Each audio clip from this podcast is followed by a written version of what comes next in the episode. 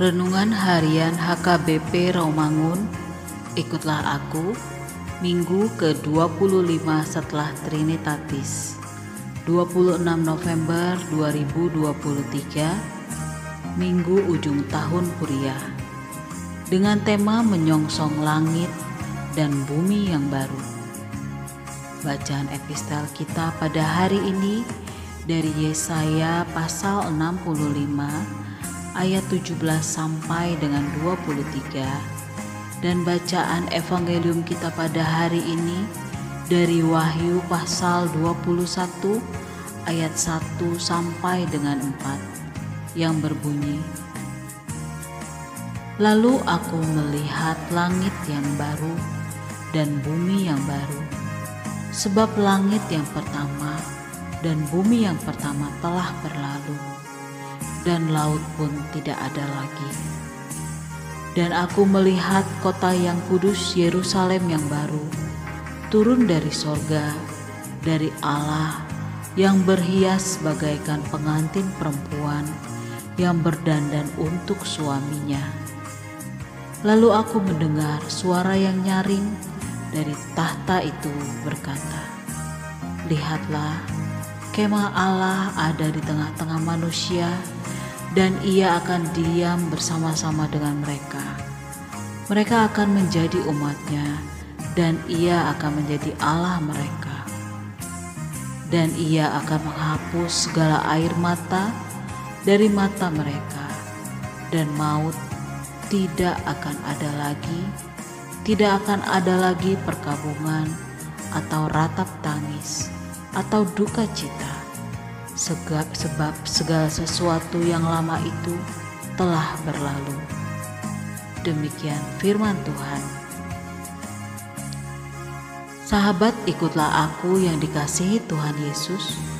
Renungan minggu ini berbicara tentang sesuatu yang akan terjadi di masa akan datang, seperti langit yang baru dan bumi yang baru. Penulis kitab Yah Wahyu mendapatkan penglihatan tentang sesuatu yang akan terjadi, yakni sesuatu yang baru. Ungkapan dalam ayat ini menjadi berita pengharapan yang didasarkan pada iman orang Kristen, Kristen mula-mula.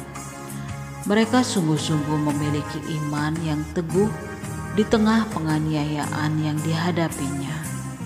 Seperti gelombang yang dahsyat menghatam, mencoba menghancurkan kehidupan mereka. Tetapi orang Kristen tersebut terus bertahan dalam iman kepada Tuhan Yesus. Mereka sungguh meyakini bahwa langit dan bumi yang ada ini akan lenyap serta diganti dengan langit dan bumi yang baru. Kota Yerusalem akan menjadi kota Yerusalem yang baru.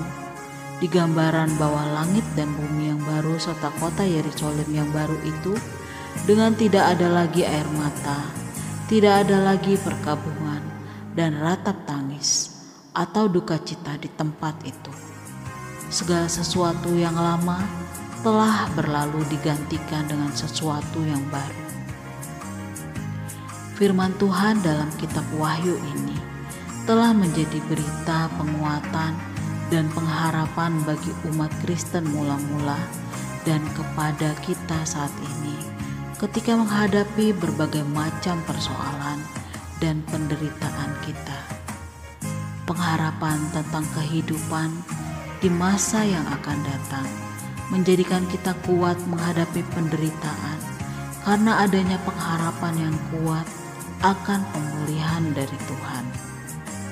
Pada saat ini memang semua telah rusak akibat dari dosa, tetapi ingatlah bahwa pemulihan datangnya dari Tuhan. Dia akan memulihkan dunia dan keadaan kita. Berharaplah pada pemulihannya. Amin. Marilah kita berdoa.